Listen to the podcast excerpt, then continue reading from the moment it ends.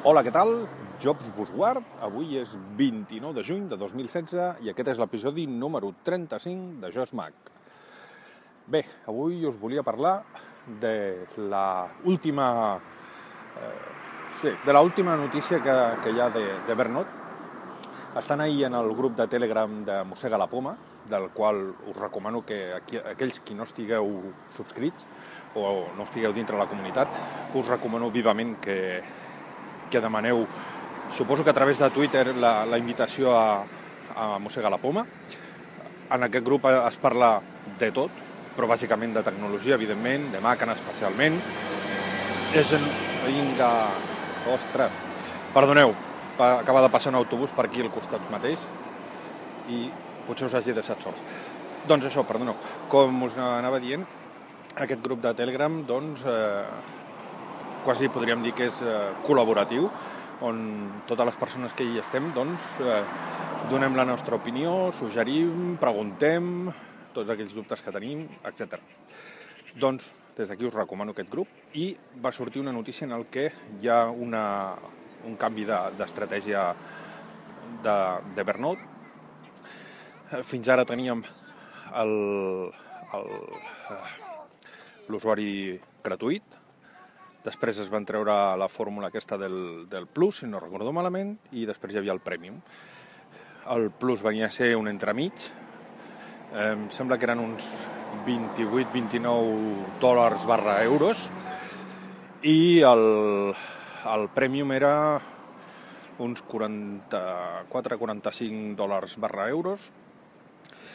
Doncs han fet ara un nou moviment i és que a partir de ja mateix, si no recordo malament, em sembla que és demà, les, els comptes gratuïts passaran a poder-se només a sincronitzar entre dos dispositius. O sigui, o sigui doncs, un ordinador o un telèfon mòbil, un telèfon mòbil i una tauleta, eh, dues tauletes, etc. La, la combinació que vulguem, això ja és indiferent. Eh, per, al meu parer, eh, aquesta estratègia, el temps dirà si és així o no, és disparar-se un tret al peu. Crec jo que eh, en, en, en aplicacions així, que a més a més ja porten tant de temps entre nosaltres, que són molt conegudes, eh, el, el que l'empresa, crec jo, que hauria de fer per intentar captar clients no és treure-li opcions a la versió gratuïta, sinó donar-li més opcions, aquestes opcions que vulguem eh, fer perquè empenya la gent a que, a que se'n vagin a, a, la, a la Premium o a la Plus, en aquest cas, doncs el que haurien de fer és donar més opcions a aquests usuaris, però no retallar-li les que ja tenien durant tant de temps en els, en els usuaris gratuïts. L'única... Fa, fa potser una setmana va sortir una actualització que el que van fer és a l'usuari gratuït donar-li l'opció de protegir l'aplicació mitjançant codi, que això abans era als usuaris premium, quan ni tan sols existia la, la versió Plus.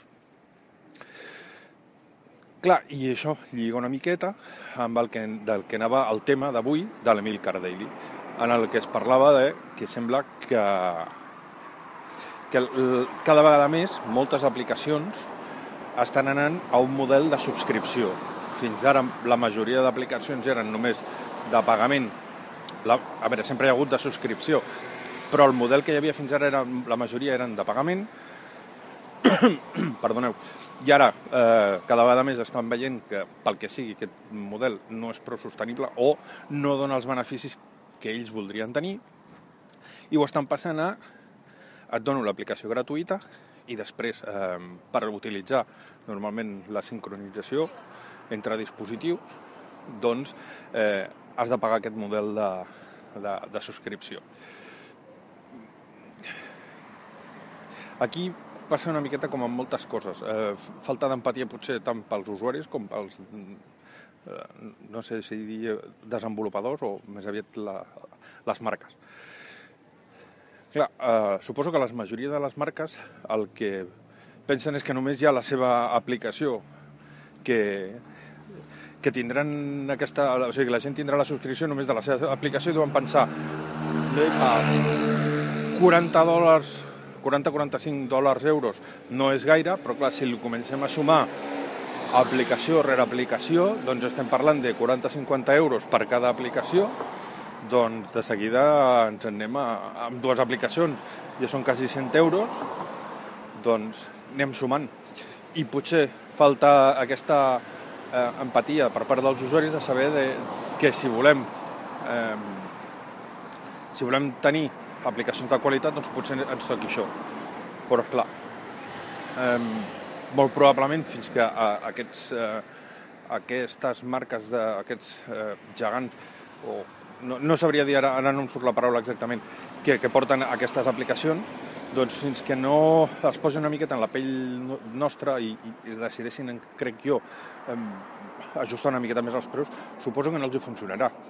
La prova està en que, per exemple, Netflix eh, és un model de subscripció i està tenint, o té, molts usuaris perquè el preu eh, és prou contingut pel, pel, pel tot el contingut que, que, que dona.